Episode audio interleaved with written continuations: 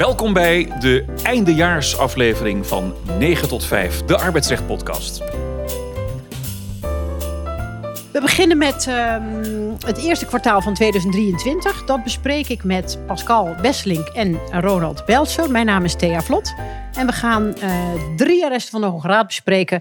die in het eerste kwartaal van 2023 zijn gewezen in volgorde van datum.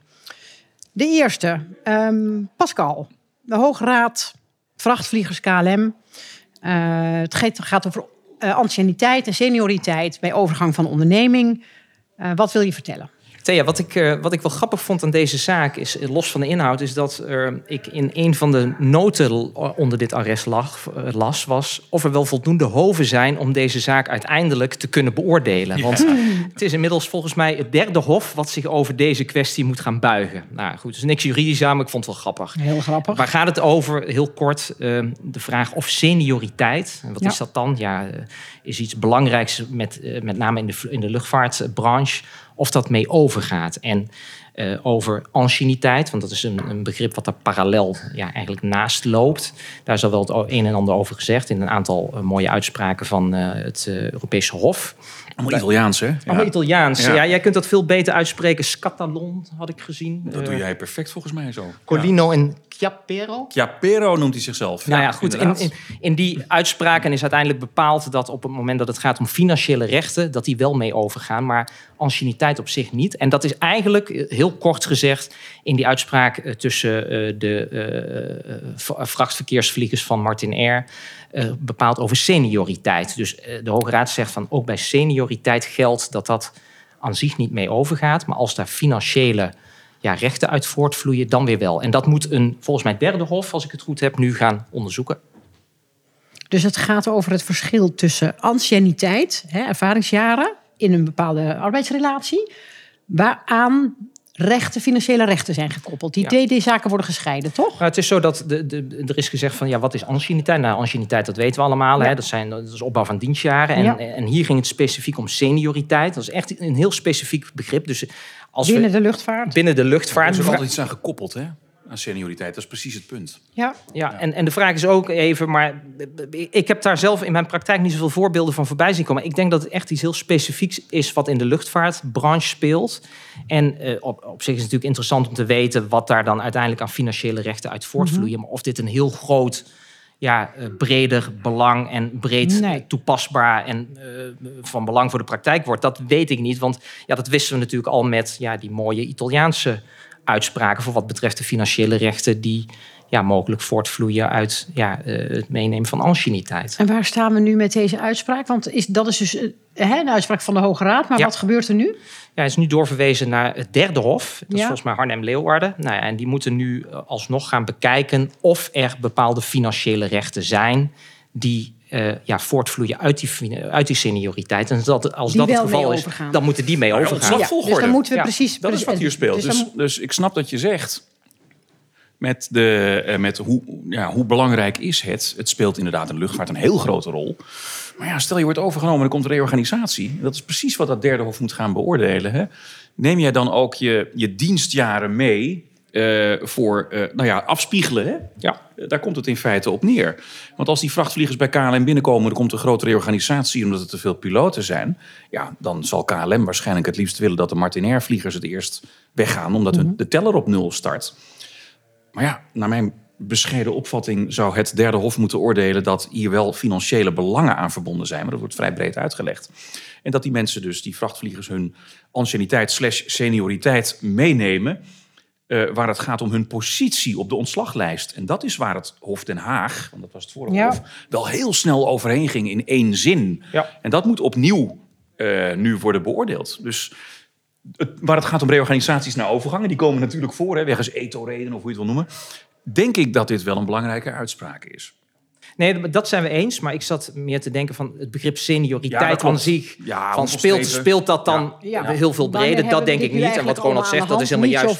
Promotiekansen, dat Ja. soort zaken. Ja. Hè? Ja. Dat speelt natuurlijk ook Ja, en er, werd, je hebt. en er werden dan in, in een van die noten ook weer wat flauwe voorbeelden genoemd. Dat op het moment dat je meer senioriteit hebt, dat je bij een personeelsfeest dan op de eerste rij mag zitten. Ja, dat lijkt mij Dat is geen niet fina- financieel. Dat is geen financieel nee, belang. nee. Maar Nee, er mooie zijn wel. kamer. Kan heel belangrijk zijn Ja, voor en mensen. vooral die mooie streepjes op de. Ja, maar het wordt ruim uitgelegd. En ik denk dat in ieder geval de ontslagpositie wel heel belangrijk Ja. is. Net als de opzegtermijn, want dat heeft het Hof van Justitie al geoordeeld dat dat meetelt. Ja, Ja. Nee, zeker. Vonden we het eigenlijk een belangrijke rest? We hebben het nu wel behandeld. Maar ja, weten wat je meeneemt is natuurlijk altijd wel relevant. Maar Zeker dan wel in een hele specifieke situatie Ja. die zich niet zo heel vaak voordoet. Ja, je ontslagrechtelijke positie. Want dat gaat wel komen. Ja. Ja. Ja, dat was een uitspraak van de Hoge Raad 20 januari. We hebben er nog eentje van maart dit jaar. De uitspraak die gaat van de Hoge Raad over het uitzendbeding. Eh, solutions. Wie van jullie wil er iets over zeggen? Ronald, Popelt, Pascal? Nee, Popelt? mee. Nou ja, we kunnen hem heel snel Wat is het uitzendbeding? Even kort in één zin. In één zin. Het Eh, uitzendbeding in één zin. Niet de hele uitspraak in een zin. uitzendbeding in één zin eh, ga ik proberen. Eh, de, situatie uitzendbureau eh, leent iemand uit naar een, eh, een inlener. De inlener besluit om uiteindelijk eh, eh, de, de, de opdracht, de ter beschikkingstelling te beëindigen. En dan eindigt de arbeidsovereenkomst van rechtswegen. Ja, Dat is eigenlijk... Ja, En dat mag? Dat is in meer zinnen, maar daar komt het op neer. ja, dat mag. En waarom mag dat ook alweer? Of wanneer mag dat? Nou ja, dat is eh, wettelijk en uiteindelijk is dat wettelijk toegestaan en bij CAO is dat bepaald. En daar ging, deze, eh, daar ging de zaak waar we het nu gaan over hebben, ging daarover. Ja, of dat maar- dan kan, met name Precies. of dat ook mag bij ziekte. In, Ja. in de context van, want we hebben natuurlijk dat mooie opzegverbod bij ziekte. Mag je ook in geval van ziekte zeggen, ik eindig de, de ter beschikkingstelling. En daarmee eindigt dus ook van rechtswege de arbeidsovereenkomst. Ja. Daar ging deze zaak over. Ja, en? Ja, het ging nog iets verder, want in die CAO, daar stond het inderdaad in, Pascal, dat is juist in die ABU-CAO en ook de MBBU, want die lopen parallel.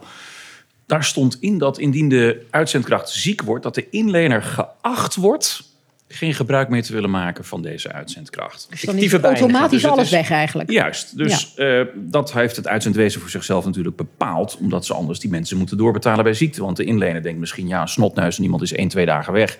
Dan komt hij gezellig weer terug. Maar die twee dagen moeten dan wel betaald worden door het uitzendbureau... dat als werkgever fungeert. Dus men heeft jarenlang die bepaling in de CAO eigenlijk zo uitgelegd. Terwijl dat natuurlijk wel een beetje vreemd is. Want de wet zegt heel duidelijk... het moet de inlener zijn die zegt... wij willen die uitzendkracht niet meer. En in Hè? dat geval. En in eindigt dat Ja. hij. Maar het uitzendbureau had even voor de inlener, het uitzendwezen had voor de inlener bepaald dat hij de uitzendkracht niet meer wenste zodra die ziek werd. Ja, En daarvan heeft de Hoge Raad gezegd: ja, zo werkt het niet. Hè? gaat wel erg Eh, hard dan. In Dat, is dan, dat kun je niet voor een ander bepalen. Ja. Dat moet die inlener zelf zeggen. Dus het kan nu zo zijn dat mensen ziek zijn en ziek blijven. eh, en de inlener toch die persoon terug wil. En dan moet het uitzendbureau gewoon ziekengeld betalen. En wat was er dan ook alweer, of was het een andere uitspraak, over de schriftelijk, het schriftelijkheidsvereiste van het uitzendbeding? Want het staat in de CAO Ja. hè, dat de eh, arbeidsovereenkomst eindigt als de inlener de eh, eh, overeenkomst met de uitzendkracht beëindigt. Maar er was toch ook een uitspraak recent over, ja, maar dan moet, is het dan goed genoeg als het in de CAO staat? Mag het ook, moet het in de arbeidsovereenkomst staan? Mag het alleen in de CAO staan? Ja, dat is vaak. Dus niet deze uitspraak? Nee, niet deze, maar meer in het algemeen zou ik willen zeggen... het kenbaarheidsvereiste speelt vooral een rol waar het gaat om grondrechten. Dus concurrentiebeding is daarvan een belangrijk Ja. voorbeeld. Maar we nemen in het algemeen aan dat als het in de CAO staat... Hè, equality of arms, een vakbond aan de andere kant...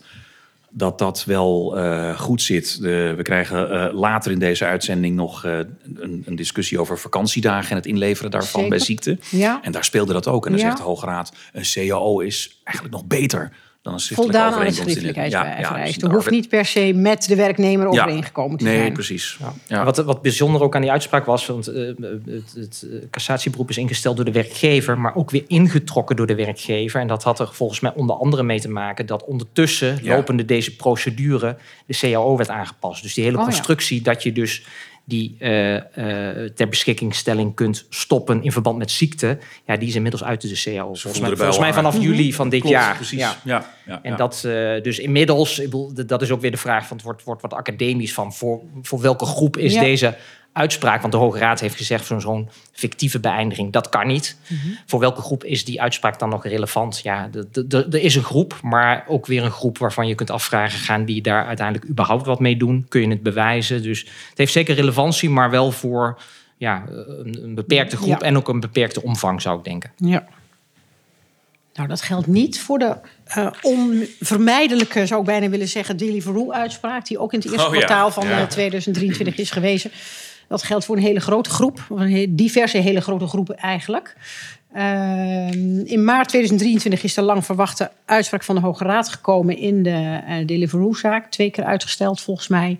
Eh, uiteindelijk toch gekomen. We zijn allemaal nog lang niet klaar met het thema. Maar wat eh, besliste, besliste de Hoge Raad nu eigenlijk iets ehm, wat echt een aardverschuiving eh, was? Of zeggen we, nou, vonden er allemaal heel veel van. Maar als je goed kijkt, valt het eigenlijk wel mee. Ja, ja, ja, ja. We zijn nu negen maanden of tien maanden verder. Wat vinden we ervan? Ik hoor aan je toon wat jij vindt en ik geloof dat ik dat deel. het is inmiddels geloof ik eigenlijk misschien 10-0 wel, wel, bijna mee. voor de platformwerkers. Hè. Eh, Ja.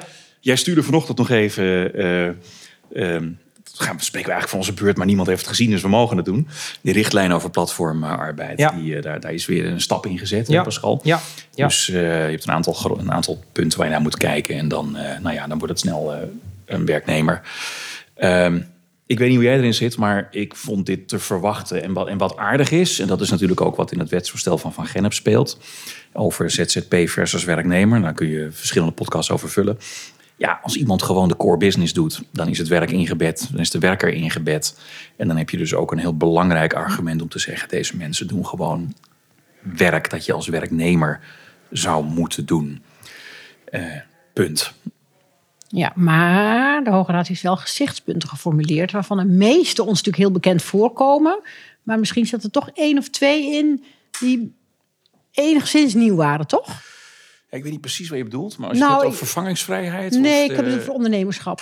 ja en inbedding. Ja, ja, ja. ja. Ja, de inbedding, die noemde ik Ja, net. die inbedding, dat is natuurlijk inderdaad duidelijk. Daar hebben ze veel aandacht aan besteed in het arrest. Maar ook dat ondernemerschap. Ja, Ja. ja, ja. En Dat, dat, is natuurlijk ook op die daar. manier nog niet in het lijstje staan, toch? Nee, nee, klopt. En, en volgens mij is daar ook weer een vervolg. Komt daar ook weer een vervolg. Want Ja, ja, het buitelt allemaal over elkaar heen. Hè. Ja. We hadden Deliveroo 1 hè, met is er een arbeidsovereenkomst. Ja. Inmiddels hebben we Deliveroo 2 en 3 van valt Deliveroo ook onder de. CAO en pensioen. Dat is ook allemaal. Ja, ja, ja, check, Alles check. ja, ja. Alles ja. Eh, Ja. De, de, inmiddels eh, heeft eh, onze eh demissionaire minister van Gennep een mooi wetsvoorstel uitgewerkt.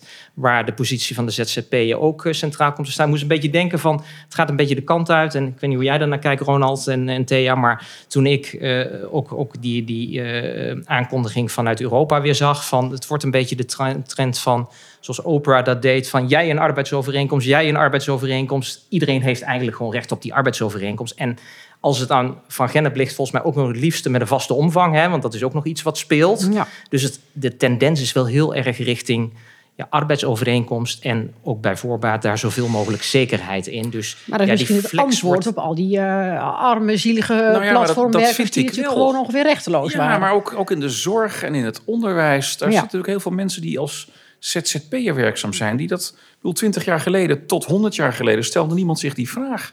Het is ook volslagen onzinnig om die mensen onder- als ondernemer te beschouwen. Dat geldt ook voor die 19-jarige Uber-bezorger hier of Deliveroo Ja. of whatever. Eh, die hier rondfietst. Dat zijn helemaal geen ondernemers, joh. Alsjeblieft zeg.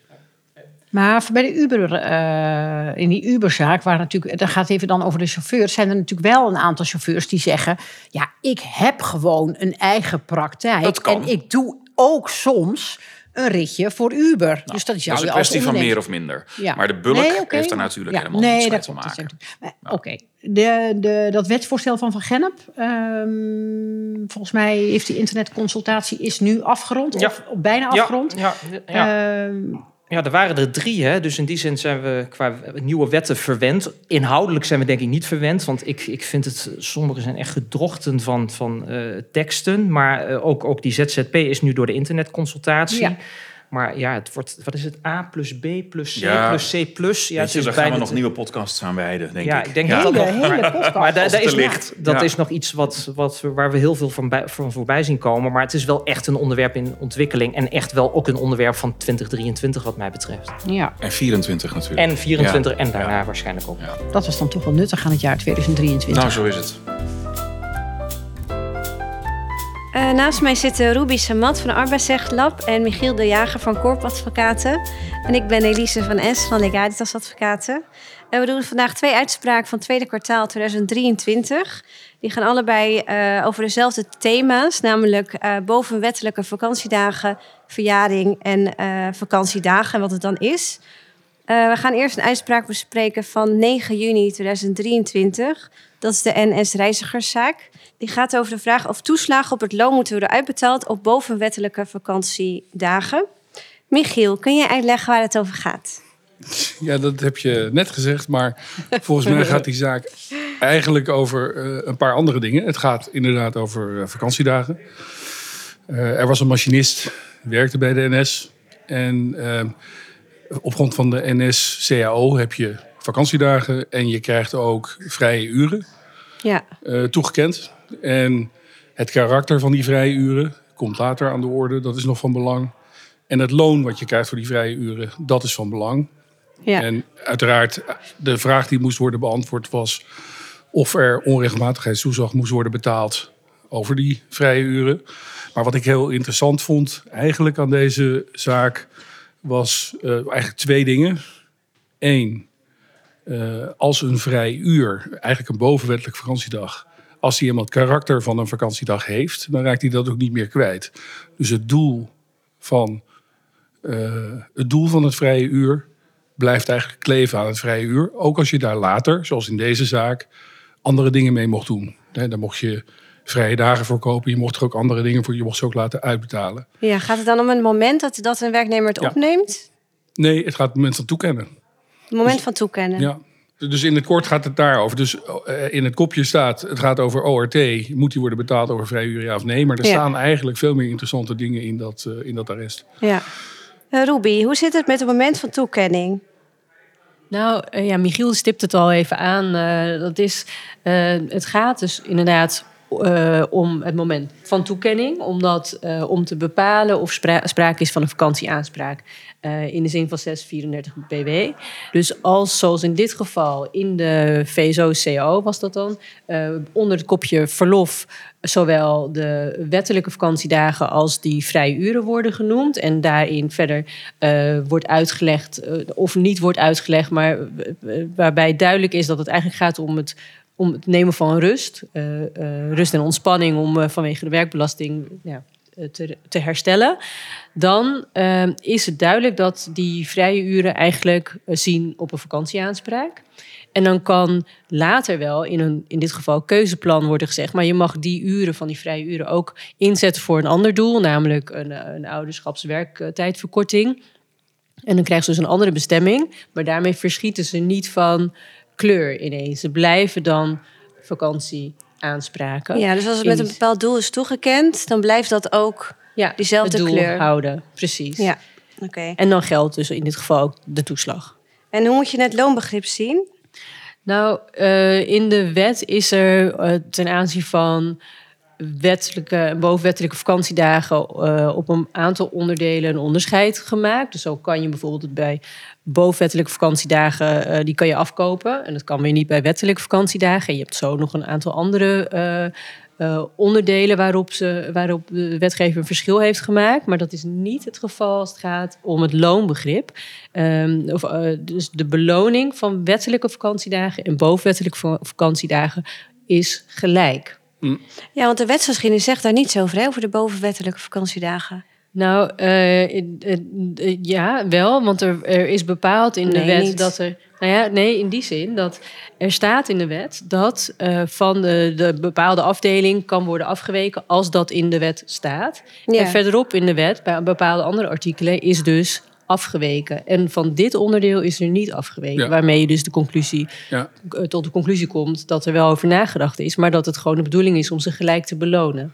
Ja, en, de, en dat is wat ze hadden geprobeerd. Dus ze hebben geprobeerd een vaststellingsovereenkomst te sluiten. Ja, Met een vaststellingsovereenkomst mag je eigenlijk afwijken van dwingend recht, normaal gesproken. ja.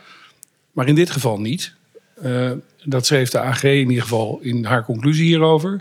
Want ze zei, een, eh, de afwijking bij vaststellingsovereenkomst verhoudt zich niet met het systeem van de wet CAO.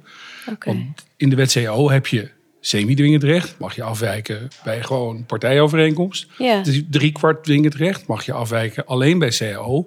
En dwingend recht, daar mag je niet van afwijken. En dus ook niet bij vaststellingsovereenkomst. Maar dat is wel raar, want in deze CO stond juist toch dat die ORT niet geldt op bovenwettelijke Dat vakantiedagen. stond niet in de CAO. In de CAO stond alleen maar, je kunt zoveel vakantiedagen krijgen, wettelijk. Ja. En je kunt zoveel vrije uren krijgen daarboven. Maar Ja. er stond niet hoe die werden beloond. En in die vaststellingsovereenkomst hadden ze bepaald dat de vakantiedagen anders, hoger werden beloond dan de vrije uren. En dat mocht niet. Nee. Ja, duidelijk. Eh, wat heeft dit nog eh, voor gevolg voor de praktijk? Nou ja, je, dat je dus heel goed moet nadenken met vaststellingsovereenkomst dat je niet alles opzij kunt zetten. Ja. Eh, en dat je vakantiedagen dus, zoals Rubio terecht zei, gewoon gelijk behandelt. Dus als het eenmaal een vakantiedag is, dan wordt die ook behandeld als een vakantiedag en beloond als een vakantiedag. Ja, En als het geen vakantiedag is, heb je natuurlijk wel wat meer vrijheid. duidelijk. Dan gaan we nu naar de tweede uitspraak. Eh, het arrest over de verjaring van vakantiedagen van 23 juni 2023. Eh, daarin heeft de Hoge Raad zich uitgesproken over de vraag of vakantiedagen bij het uit dienst gaan eh, moeten worden uitbetaald. In dit geval ging het om een eh advocatenkantoor. Eh, en het was een werknemer die nog nooit vakantie had opgenomen. En dan is dus de vraag of hij dus in al die tijd ehm, ja, recht heeft op uitbetaling. Ruby, kun jij daar nog iets meer over vertellen, over deze zaak? Eh, nou ja, ja het, het gaat inderdaad over, de, over dat geschil tussen werkgever en werknemer. En dan eh, in het bijzonder over de vraag of de vakantiedagen zijn verjaard dan wel ver, ver- vervallen dan wel verjaard. Ehm, en het gaat eh, nou, om een, inderdaad een behoorlijk bedrag of saldo aan vakantiedagen. Ehm, en er wordt verwezen naar, het, het, tenminste wat hier relevant is, is het Max Planck arrest eh, van het Hof van Justitie uit 2018, het Europese Hof van Justitie. Ehm, en daarin is bepaald dat ehm, een vervaltermijn niet zomaar ingeroepen kan worden. ehm, en dat, waarmee dan de vakantiedagen dus komen te vervallen. Ja. eh, zonder dat eerst wordt nagaan of de, de werknemer daadwerkelijk in staat is gesteld om vakantie te genieten. En dat betekent dat je als werkgever eh, heel concreet en in alle transparantie ervoor moet zorgen dat die werknemer daadwerkelijk vakantie heeft kunnen opnemen. En je moet als werkgever eh, zo nodig formeel de werknemer ertoe aanzetten om vakantie op te nemen. Eh, en in dit geval was het zo dat die werknemer ge- zelfs nog gedwongen op vakantie is gestuurd. Maar hij zich te pletten verveelde thuis en weer terugkwam naar kantoor Nou, na ik al. twee, drie Ja, dagen. Ehm, en ehm, eh, daarbij moet je dus ook de werknemer erover informeren dat ja, je dus je vakantieaanspraak gaat verliezen aan het einde van een bepaalde periode. En die Ja. informatie moet je heel precies en tijdig verstrekken. En wat in deze zaak wel bijzonder is, is dat ehm, een werknemer, die advocaat, ehm, zelf ook adviseerde over arbeidsrechtszaken. En ook heel specifiek cliënten over de aanspraak van vakantiedagen informeerde. Dus hij was heel goed op de hoogte Ja. van de wetgeving hierover. Maar desondanks. Ja, Precies. in 2016 hè, had hij iemand eh, geadviseerd, als ik. Ja, ja. Ja. maar ja, de, Michiel zet hem al, eh, zet hem al voor. Ehm, desondanks is het zo dat alle ehm, mededelingen die namens de werkgever gedaan zijn, mondeling zijn gedaan. Er is niks Ja. op papier. Er was wel lijkt- één mail volgens mij. Ja, en er zijn ook verklaringen geweest Ja. van collega's. Maar daarmee, je moet dus die aanzegging zodanig tijdelijk doen... dat die werknemer ook nog in staat is om ze op te nemen. Ja, en ik, ik, ik stel me daarbij voor dat je het ook een paar keer herhaalt. En dus alles Ja. schriftelijk. Ehm, nou ja, in dit geval is er dus niet voldaan aan die zorg- en informatieplicht... die volgt uit Max Planck-arrest. Ehm, en daardoor staat, dat is de, is best wel een ge- gevolg... ehm, dit arrest is overigens meer een bevestiging van de al heersende rechtspraak. Maar dat eh, het artikel in de wet 642 van boek 7 BW... waarin de verjaringstermijn van vijf jaar staat... gewoon buiten werking is ge- ge- geplaatst. Ehm, En dat betekent dat in dit geval die werknemer 60.000 euro aan vakantiedagen eh, uitbetaald krijgt. Ja. Ja, in totaal kreeg hij zelfs 75.000 euro mee. Ja, de wet. Maar niet Ja. alles, hè? Nee, Hij had hij krijgt niet 85, alles. 85 gevorderd. Ja. Dat was toch wel wat verjaard nog? Ja, Ja, en heel de wettelijke verhoging gaat er nog mij. overheen. Maar eh, wat betekent dit voor de praktijk? Nou ja, voor de praktijk, Ruby zei het ook al. Je moet natuurlijk heel concreet, je moet tijdig en specifiek aangeven. Ja. Tijdig en specifiek aangeven dat die dagen moeten worden opgenomen. En ook dat ze komen te vervallen. Met andere woorden, op 1 januari of in de, zeg maar, na de vakantie in januari... zeg je tegen die werknemer, goh, je hebt nog zoveel dagen staan. Ga je die opnemen de komende zes maanden, want anders komen ze te vervallen. Eh, per, misschien- per werknemer, maar dat is hartstikke veel ja, werk of, voor die werkgever. nou ja, of, je, of je stuurt een memo rond. Het Maakt niet uit. Als je maar Ja. kunt aantonen achteraf. Want dat was het probleem in deze zaak. Die werkgever kon het niet bewijzen. Maar als jij een mailtje hebt rondgestuurd. Jongens, dit is het saldo. Zorg dat je het voor 1 juli hebt opgenomen. Anders vervalt het. En je herhaalt dat nog een keertje op 1 april. Ja. En dan kun je zeggen, ik heb geconstateerd als werkgever dat je nog niet alle vakantiedagen hebt opgenomen. Let wel, alle dagen die je niet opneemt, wettelijke dagen, voor 1 juli komen te vervallen. En dan vervallen ze ook echt. Ja. In dit geval was dat niet gebeurd. Er waren geen feiten en omstandigheden gesteld door die werkgever. Op grond waarvan de rechtbank en de rechters en ook uiteindelijk de Hoge Raad kon aannemen dat er inderdaad eh, voldoende tijdig en specifiek was gewaarschuwd, was geïnformeerd. ja. Nou, dan gaat het fout. Dan gaat die vervaltermijn dus niet lopen feitelijk. Dus er zijn geen dagen vervallen. En voor de bovenwettelijke vakantiedagen geldt een verjaardagstermijn van vijf jaar. Die aanvangt op de laatste dag van het jaar waarin die dagen zijn opgebouwd. ja. Ja, dat, en die waren gestuurd in deze procedure. Die advocaat had die aanspraak nog gestuurd ook.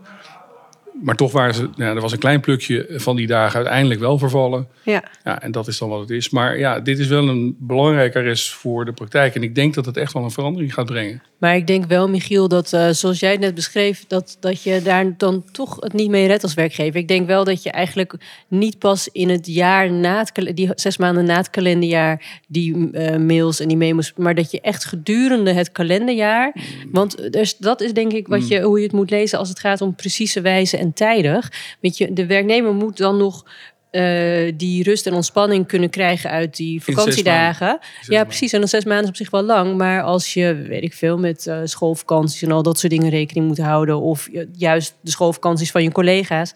Dan lukt het misschien niet zo makkelijk om nog. dus ik denk dat je gedurende het jaar waar het over gaat. Dat je daar ook al heel actief eh, moet Ik heb hem niet, ik heb hem niet zo opnemen. gelezen hoor, die uitspraak. Ik las hem juist dat je daarna in januari van het jaar daarna eh, een werknemer moet eh, attenderen en zelfs aanmoedigen om vakantie op te nemen. Ja, nee, klopt. Maar je, het Max Planck arrest is, is daar, als je dat, zoals je- ik dat lees, Ja. gaat het erom dat je, dus je moet concreet en al, in alle transparantie moet je eh, voor die Maar staat mogelijkheid niet in dat en op precieze wijze. doen, zeg nee, maar? Nee, nee, dat Nee. staat, het staat er niet letterlijk dat je het in augustus moet doen, Nee. maar wel Nee. dat je ervoor moet zorgen dat die werknemer die vakantiedagen nog kan opnemen. Nee, dat klopt. En, maar en als je dat in april doet Ja. eh, en dan dus nog Nee, twee maanden, nee, dan, nee, je begint in januari. Nee, dat hoor ik je zeggen. En maar dan dan, in ook in april. Maar ik denk dat het dus meer effect heeft als je het gedurende het eerste jaar waar het betrekking op heeft, daar al aanspoort, zorg ervoor dat je het opneemt. Ja, ik, vind Ja. Dat, ik vind dat persoonlijk wat betuttelend, toch? Ja, nee, maar Eh, tuurlijk, maar want- dat is kijk. Ik ben het helemaal regeling- met je eens. Ik vind het elke heel regeling betuttelend. zegt toch, je, je moet je dagen in principe opmaken in het jaar waarin je ze opbouwt. Dat staat in elke vakantieregeling. Nou, dan, dan lukt dat een keer niet. En dan heb je nog wat dagen over. Zeg dat je nog tien dagen over hebt, fijn. Dan krijg je in januari te horen, joh, neem ze op, anders vervallen ze. Ja. Dan doe je dat niet. Dan krijg je in april nog een keer te horen. Heb je nog twee maanden de tijd om tien vakantiedagen op te nemen. Doe je het weer niet, ja, dan ben je ze kwijt. ja, Punt. eens. Ik denk dat dat echt genoeg is. En Ja. ik denk dan niet dat ze zeggen, ja, maar je hebt in oktober heb je me niet gewaarschuwd. Nee, kijk, ik, de- ik Toch? denk ehm, meer dat je die discussie gewoon niet wil hebben. Als jij zoveel werknemers hebt, wil je gewoon niet dat, dat je nog twintig of dertig keer die discussie moet hebben. Maar dat je dan maar beter het en in je personeelshandboek hebt. En dat je gewoon ieder kwartaal een memo daarover rondstuurt. En dan ook, zoals jij zegt, Ja. januari en Ja. april. Ik denk dat je, dat, Nee, dat kijk, je dan je- gewoon goed doet. En als je de bakker op de hoek bent en je hebt, hebt drie werknemers, dan is het natuurlijk allemaal prima te doen. Maar als je een bedrijf hebt met een paar duizend werknemers, Ja. waarvoor je dit allemaal moet regelen, je kunt niet een paar duizend individuele gesprekken hebben met Nee, mensen. Nee. Maar dat gaat dus via memo's Dus dat gaat via memo's. Ja, dat verwacht ik wel. Dus je krijgt impact, zeker. En dit is wel heel serieus, want die man kreeg eh, in deze zaak, die kreeg 37.000 euro mee aan transitievergoeding. En 75.000 euro in vakantiedagen Ja, dat is wel geld, Dus ja, Ja. Nou, dank jullie wel. Welkom bij kwartaal 3 van de podcast 9 tot 5. Ik ben Tessa Lust, werkzaam bij DAS. Bij mij aan tafel zijn aangeschoven Meerte van de Heuvel, advocaten bij Nimbel Arbeidsrecht, en Daniel Maats, advocaat bij BVDV Advocaten. De herfst is aangebroken. Wat een feest, hè? Ja. Volgens mij is dat het oogsten in de herfst. Zeker weten. Hier worden de mooie dingen gepubliceerd. Dit is het, tijd, uh, het tijdstip dat wij gaan oogsten, inderdaad. En we beginnen met het arrest werknemer Autoschade Zutphen. Ja, en eh, we hebben dan begin van de herfst te pakken. En dan beginnen we eigenlijk met de vraag... welke opzegtermijn is er van toepassing... bij de gefixeerde schadevergoeding na een ontslag op staande voet? Dat is een hele mond vol. Ja, de laatste jaren heb ik eigenlijk altijd alleen maar gedaan wat in het belang van mijn eigen cliënt was. Dus een beetje afhankelijk van de vraag of ik van een werknemer of een werkgever iets ervoor had. Ja, misschien goed om heel even te schetsen wat hier nu de vraag eigenlijk was. Als er sprake is van ontslag op staande voet, dan kan er ook de gefixeerde schadevergoeding worden gevorderd. En dan is het de vraag, hè, vaak is het de werkgever ontslaat de werknemer op staande voet. Um, welke opzegtermijn kun je dan, of moet je eigenlijk hanteren op het moment dat je die gefixeerde schadevergoeding gaat berekenen? Klopt. En misschien is het dan ook goed om even de feiten op een rijtje te zetten in deze zaak. Um, wat is er gebeurd? Nou, in ieder geval, de betreffende werknemer is sinds 2009 in dienst bij deze betreffende werkgever en is op 20 oktober 2020 op staande voet ontslagen. De, de autoschadebedrijven, begreep ik. Ja, ja. In Zutphen. Wat, wat verdiende die uh, man of vrouw eigenlijk? 5.967,73 euro. Kijk. Dat is niet mis. ja, dat dat, dat, uh, dat nou, had hij goed voor elkaar. Ja. ja. En de maar hij had het niet helemaal goed voor elkaar. Want volgens mij is er een punt dat hij op staande voet wordt ontslagen. Daar heb je een puntje. Ja. En terecht, blijkt. Is dat zo? Nou ja, er wordt geprocedeerd over de vraag welke gefixeerde schadevergoeding Maar is het terecht dat hij op staande voet is ontslagen? De kantonrechter heeft in eerste aanleg het ontslag vernietigd. Uiteindelijk wordt gevraagd welke vergoeding moet worden betaald, toch? Toch, en daar hebben wij het hier over in deze podcast.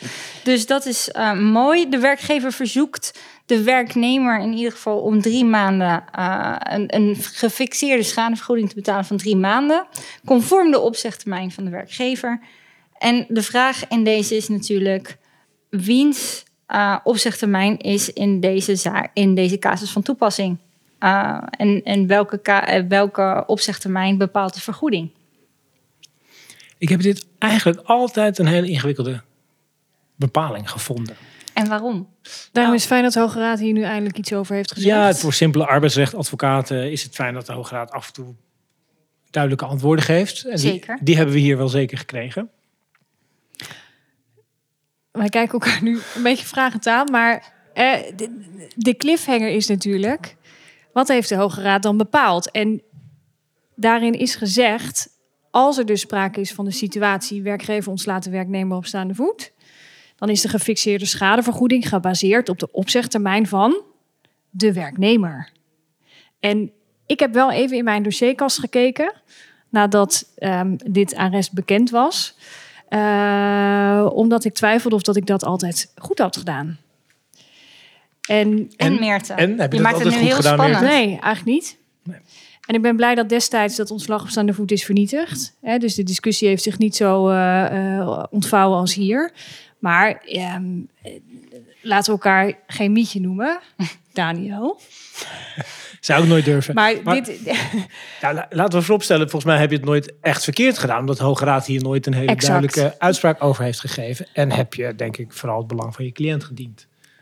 Ja, het is natuurlijk wisselend welk standpunt je hebt ingenomen. Zeker. En uh, als we de, hè, laten wij uh, ook even de gepubliceerde, uh, gepubliceerde feitenrechtspraak bespreken. Wat is jou daarin opgevallen, Meerte? Nou, die rechtspraak is wisselend. En daarom is het ook fijn dat nu de Hoge Raad duidelijkheid heeft gegeven. Wat mij betreft over een vraagstuk waar ik tot dusver onvoldoende bij heb stilgestaan. En um, nou, ik hoor dat ook bij jullie wel terug. Maar zowel de jurisprudentie als ook in de eh, literatuur was er verdeeldheid. Over welke Zeker. opzegtermijn moest je in acht nemen. Dus het is heel verhelderend en fijn. Ja, en toch, toch blijft er iets knagen bij mij. Want de, ehm, eh, de conclusie van de AG De Bok is vrij uitgebreid. Eh, volgens mij En belicht ook verschillende standpunten. Ja, ja en, en volgens mij is het wel zo dat ehm, eh, de Bok aantoont dat in de literatuur grotendeels wordt aangehaakt bij het standpunt wat de Hoge Raad nu heeft ingenomen. Klopt. Eh, de, de, de- de- ja, de afwijking was, was wel ehm, beperkt daarin. Maar de redengeving is als degene die de dringende reden heeft veroorzaakt, even makkelijker gezegd, meestal de werknemer, hè, dat kan andersom, maar gebeurt bijna nooit. Als die werknemer de dringende reden heeft veroorzaakt door opzet of bewuste roekeloosheid en daar is gebruik van gemaakt, dan heb je schade als werkgever. En welke schadevergoeding krijg je? Nou, je krijgt een schadevergoeding die gelijk is aan het loon over de periode als de werknemer niet die dringende reden had veroorzaakt, maar zelf had opgezegd. Ja, en hoe Ja. realistisch is het, hè? Dat die ja, werknemer dat dan had gedaan. Exact, ik begrijp die vergelijking gewoon niet zo goed. Ik snap hem beter als je zou zeggen, als die werkgever geen dringende reden had gehad, maar een andere reden om op te zeggen, dus met de gewone opzegtermijn, ja, dat is de schade die de werkgever loopt. Want daar, voor die periode heeft die werkgever iemand anders moeten inzetten. Dus de ja, overwegingen die leiden tot deze conclusie, en waarvan we allemaal maar moeten zeggen, dit gaan we volgen, want het is de Hoge Raad. Die kan daar nou wat van vinden. Ehm, die snap ik nog niet helemaal. Maar goed, ik ben ook maar, zoals ik zei, een simpele arbeidsrechtadvocaat. Jij hebt ook in je dossierkast gekeken. Nee, Nee, hij durft het niet aan. ik, ik kijk nooit terug. Nergens spijt van hebben. Nergens bij. Niet achterom kijken. Nou, dat is hartstikke mooi. We hebben dus, ehm, in ieder geval is het goed dat hier duidelijkheid over is verschaft. En ehm, willen jullie hier nog iets aan toevoegen of zullen we eh, verder gaan met het volgende arrest? Ja, ik wil daar wel nog iets aan toevoegen. En dat is namelijk dat ehm, ook als je eh, de conclusie leest van AG de Bok, dan wordt daar ook aandacht besteed aan: is er nog ruimte voor maatwerk? Hè? En dat is er tot op zekere hoogte, omdat de rechter, en dat staat dan ook in de wet in lid 5 uitgewerkt eh, voor de geïnteresseerden, hè, dat de eh, rechter kan matigen, maar die kan, het, die kan de termijn ook verhogen. Denk je, nou, eh, prima, matigen. Dat is dus ook een optie. Maar weet wel dat dat relatief is, want er is een ondergrens. En dat is namelijk de wettelijke opzegtermijn van de werknemer. Ja, dus eigenlijk kom je meestal op hetzelfde neer. Ja, ehm, wat zou dat voor de praktijk betekenen? Stel dat de werknemer een bijvoorbeeld afwijkende opzegtermijn heeft van twee maanden, of misschien eh, eh, drie voor het gemak. Eh, stel dat de rechter zou zeggen, nou, ik vind dit eigenlijk wel een eh, onbillijke situatie voor de werknemer. Ik ga dat wat verzachten, dus ik ga het matigen. Dan geldt altijd de ondergrens van de wettelijke opzegtermijn van één maand. Dus verzachten is denk ik relatief. Uh, maar er is wel een wettelijke mogelijkheid om daar dus van af te wijken. Dus werknemers, advocaten, let op. Zou ik wel zeggen. Prachtig. Er was meer in de herfst. Zeker. En dat is het arrest Vliegers KLM, gewezen op 22 september 2023. Er viel meer uit de lucht dan in de blaadjes in de herfst. Exact. Juist, zegt hij um, met een opgeheven wenkbrauw. Wat willen we nog meer? Vertel eens, uh, Daniel. Heb jij hier meer over uh, meegekregen? Was dit een uh, schok, dit arrest? Wat, wat, wat heeft het gedaan in jouw praktijk? Nou, in mijn praktijk niet meteen zoveel. Ik sta weinig vliegeniers van de KLM bij, moet ik eerlijk bekennen. Zo'n internationale praktijk zou ik graag willen, want dan moet je af en toe op locatie gaan kijken. En dat is hier helaas niet het geval.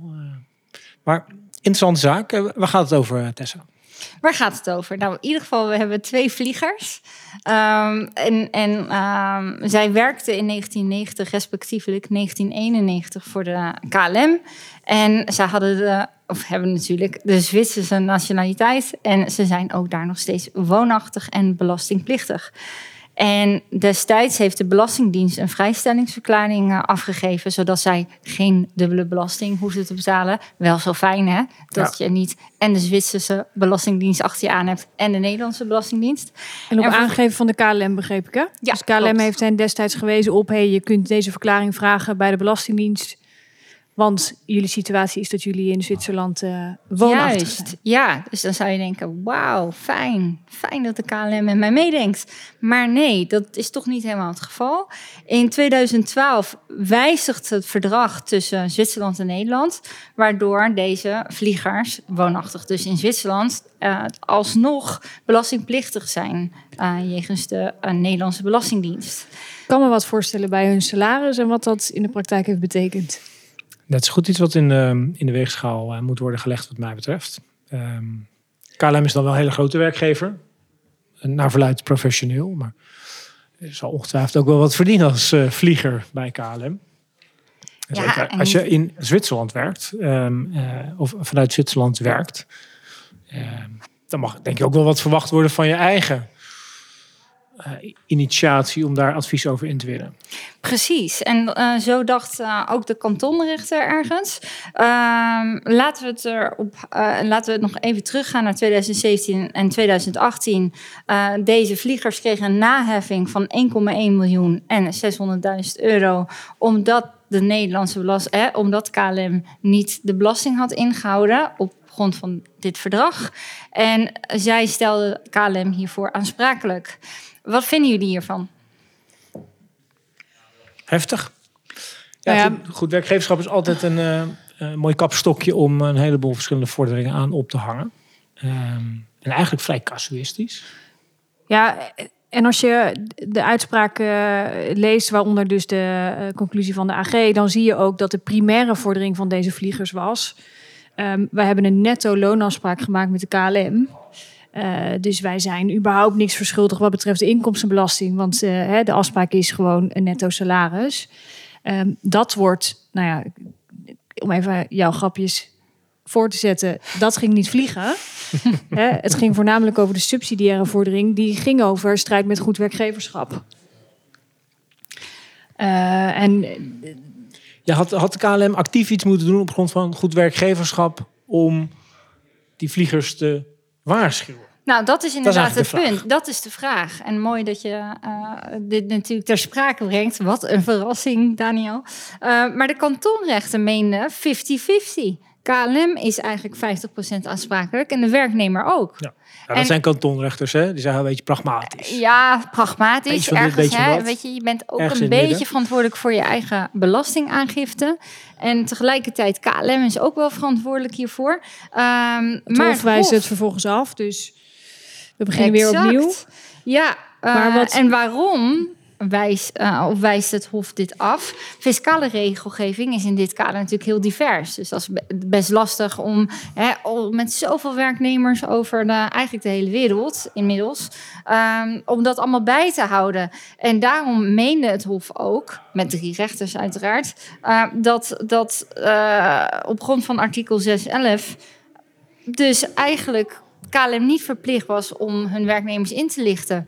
En, en dat vind ik best frappant. Ja, ja de, de Hoge Raad denkt daar iets anders over. Vooral maar- omdat ze een, een, een fiscale afdeling hebben. Nou ja, de Hoge Raad denkt er iets anders over, maar wel genuanceerd. In die zin ehm, dat dat nog, nog onvoldoende gemotiveerd is. Hè. Waarom in die omstandigheden, als het zo'n grote professionele organisatie is... en KLM heeft al eerder gewezen op die eh, verklaring die de Belastingdienst kan afgeven... ehm, wa- waarom waren ze dan helemaal gevrijwaard? Nou, daar moet een ander hof nog eens een keer goed over nadenken. Mhm.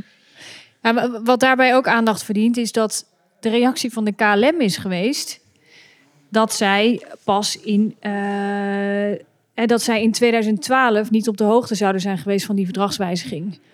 Nou, daar wordt ook niet in, eh, in meebewogen, want er wordt gezegd, ja, eh, uit, het, uit de praktijk is gebleken dat jullie er wel van op de hoogte waren, maar jullie hebben een andere uitleg gegeven aan de maatregelen.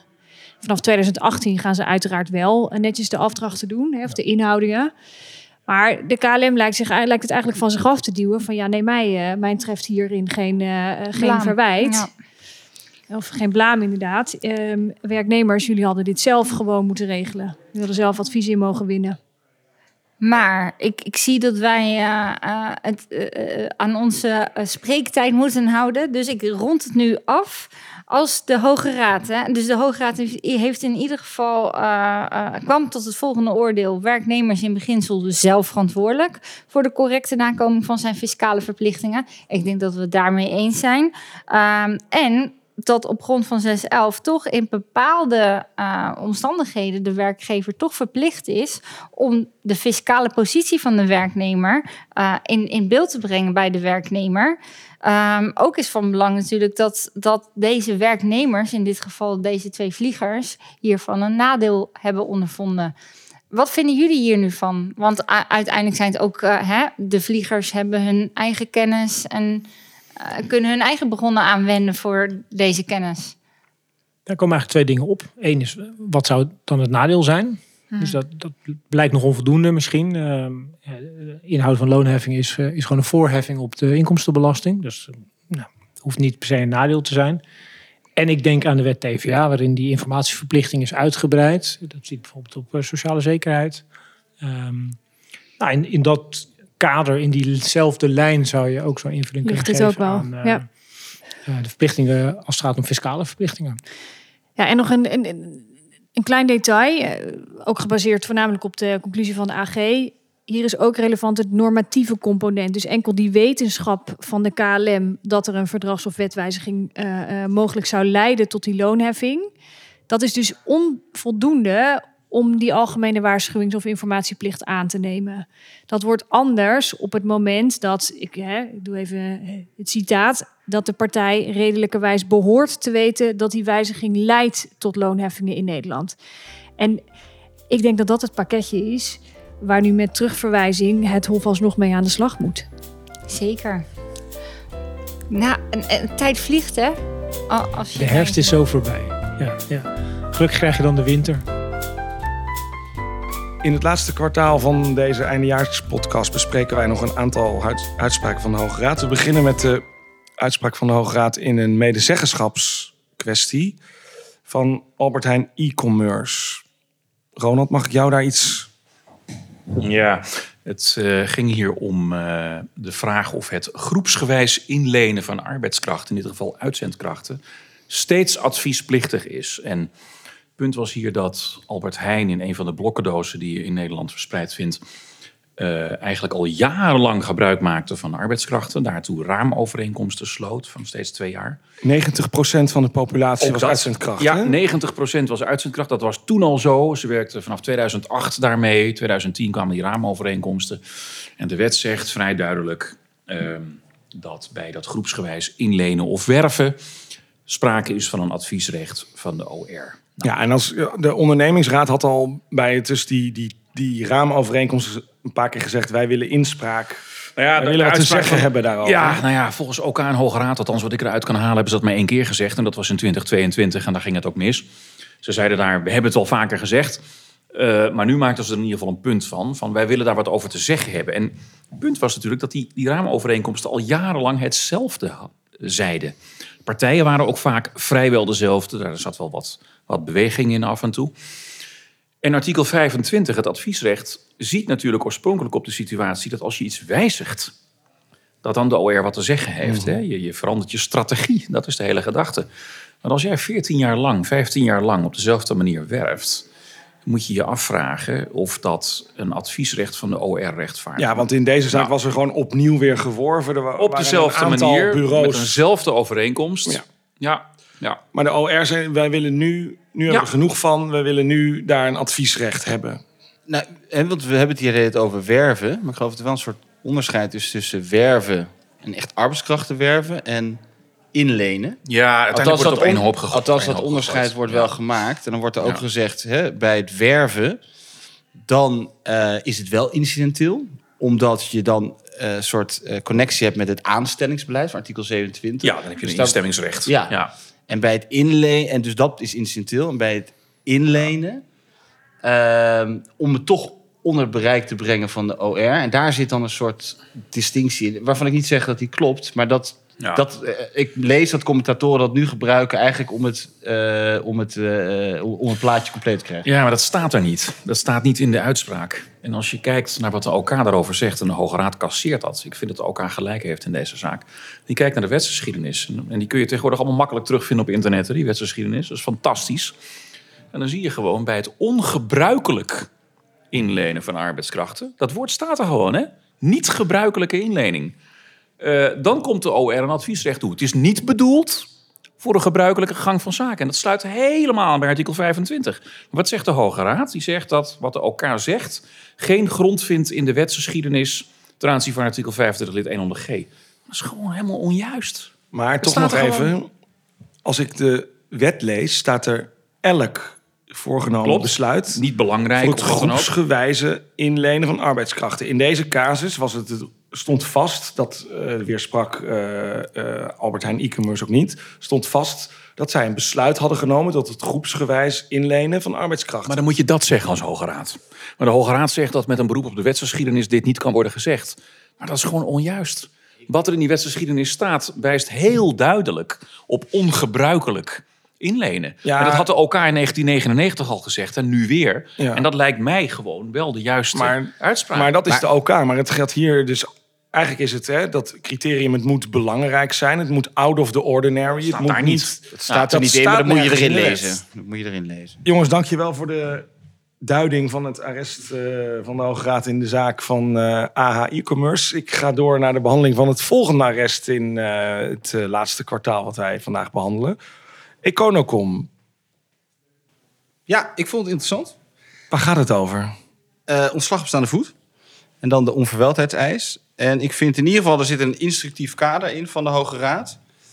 Ehm, waarin wordt aangegeven in welke stadia, alle stadia, je, eh, je, je moet voldoen aan die on- onverweldheidseis. Dus dat begint al, en dan in het kader van een onderzoek. Dus het begint al bij het, het instellen van het onderzoek. Dat moet onverweld zijn. Dan moet je het onderzoek zelf voldoende voortvarend,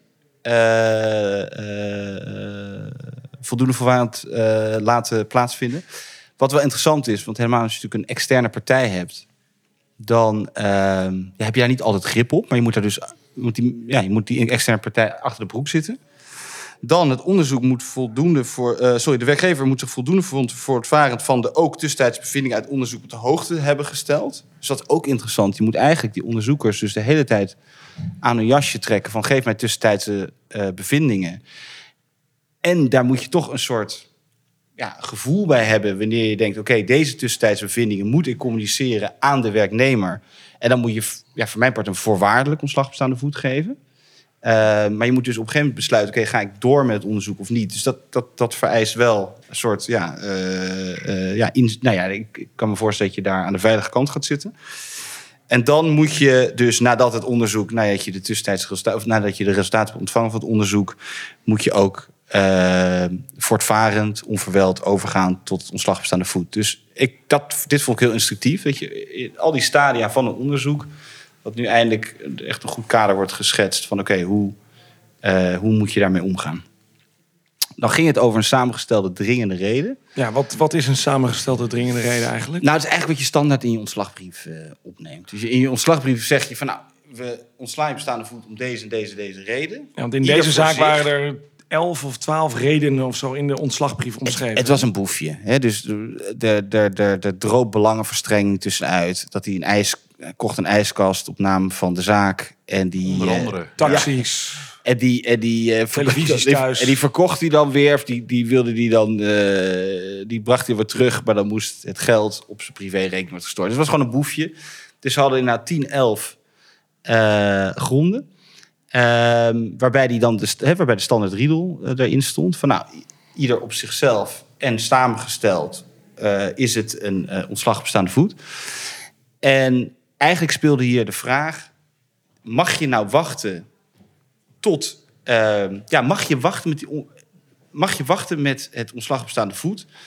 Totdat je eigenlijk die hele kluwe hebt ontward. En al die.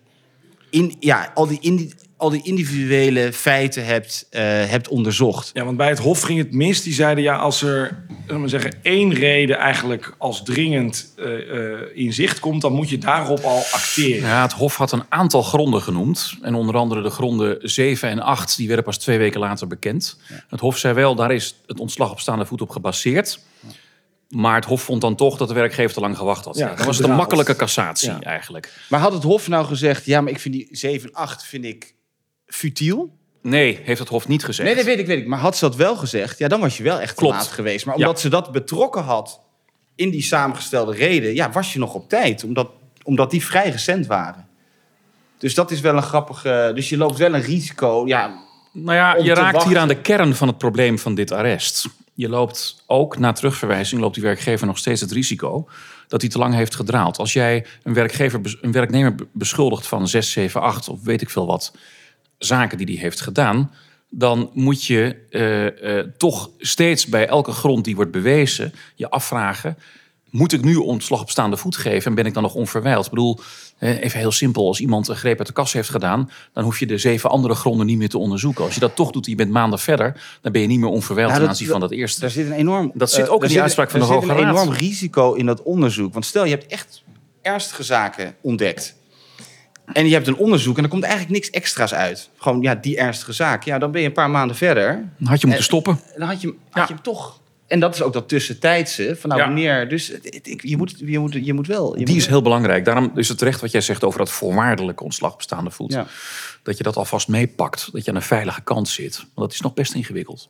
Maar goed, even in, in, in, in één of twee kernzinnen. Wat is nou de takeaway van dit specifieke eh, arrest met die samengestelde reden? Mag je nou wat Je mag niet alles onderzoeken. onderzoek, als, je denkt niet? dat, als je denkt dat er al jarenlang van alles mis is, heb je niet de vrijheid dat helemaal eh, op je gemak te blijven onderzoeken. Je moet de vaart erachter blijven zetten. Tussentijdse rapportage is van eminent belang. En op het moment dat jij, en dat hebben we in een uitspraak eh, hiervoor gezien, die hiervoor is behandeld, VCKG geloof ik, het idee hebt, dit is voldoende voor een ontslag op staande voet, dan moet je dat ook gaan geven. En dan kun je er niet nog allerlei andere dingen gaan bijhalen die je nog niet scherp hebt. Dus je moet continu je tijdlijn in de gaten houden en erbij laten vallen op enig moment. En, en dus ook inderdaad... eh, hè, je kan je niet verschuilen achter externe onderzoekers. Nee, dat klopt. Ja. En dus niet te lang wachten van ja, maar die andere dringende reden die ik Juist, in mijn ja. ontslagbrief heb gezet, die komen nog wel. Want je hebt er al één. Maar je hebt natuurlijk de neiging, externe onderzoekers, ja, het is hun vak. Dus ja, laat, laat ze hun vak doen. Maar je moet er toch de hele tijd op hun huid zitten. Is haastige spoed dan zelden goed? Of Nee, juist, niet? beter. Eh, in die zin dat als jij al een paar dringende redenen hebt, dan moet je ook tot ontslag overgaan. En dan moet je niet nog twee maanden besteden om te kijken of er niet toevallig gefra- gefraudeerd is met bonnetjes. Niet doen. Nee, niet meer doen. Het toetje van eh, deze eindejaarspodcast is een uitspraak van de Hoge Raad over financieel recht. ABN AMRO Bank NV. Ehm, Constant, jij bent expert op dat gebied. Wat speelde er in die uitspraak? Heel kort, want we hebben weinig tijd. Ja, ik verwijs ook naar de eerdere podcast over dit onderwerp. Maar hoogover heb je als financiële onderneming hele, hele, hele ruime bevoegdheden om bonussen en verplichtingen zelfs om bonussen terug te halen van werknemers. Veel ruimer dan we in het reguliere arbeidsrecht gewend zijn. Als je in het reguliere arbeidsrecht klabik opneemt, wordt dat aan allerlei eisen getoetst. eh, die allemaal rond het goed werkgeverschap hangen. Dus kenbaarheid, het moet een duidelijke norm zijn. Ehm, en ja, dat zie je in het, in het financieel toezichtrecht. Heb je die, dat haakje in de WFT. En daarvan heeft de Hoge Raad nu gezegd ja, dat om het terug te vorderen als er niet voldaan is aan passende normen van bekwaamheid en correct gedrag. Want de ABN wilde terugvorderen en de klager die zei dat had je niet moeten doen. Ja, die heeft zich eigenlijk op het eh, arbeidsrecht beroepen en gezegd: ja, je, je- Ja, die zei jullie hebben geen beleid, toch? ja, en, en, ja, dus je moet een beleid hebben, moet kenbaarheid, niet kenbaarheid zijn. Dit is willekeurig. Waarom eh, eh, een paar maanden, waarom een paar jaar, waarom dit? Hè? Dus, dus, dus de Maar de enige begrenzing. zei, je hebt dat beleid helemaal niet nodig. die zegt, er is een recht, komt een rechtstreekse bevoegdheid, vloeit voort uit de WFT. Daar kan je het een en ander van vinden. Dat wordt heel technisch, ga ik nu niet, op in. Maar je zou het zo kunnen lezen, rechtstreeks bevoegdheid uit de WFT. Dus eigenlijk ben je enigszins aan de, de, de financiële ondernemingsgoden overgeleverd als werknemer. Als, ja, als, als je iets mis hebt gedaan, dan krijg je nou ja, niet alleen je ontslag, maar een melding met terugrechtbanken. Je, je bonussen worden teruggevorderd. Je, je hebt allerlei interne en externe meldingsregisters waar je, wordt, eh, waar je wordt aangegeven. Je wordt bij DNB, krijg je een streepje achter je naam. Dus je ziet echt wel, vind ik, een- en ik zit inderdaad, ik doe veel van dit soort zaken. Je ziet een enorm verschil tussen het reguliere arbeidsrecht en de financiële sector. Je kan je eigenlijk weinig misstappen veroorloven. Je bent op veel fronten vogelvrij. En was dit een klinkende overwinning voor de bank in deze cassatiezaak?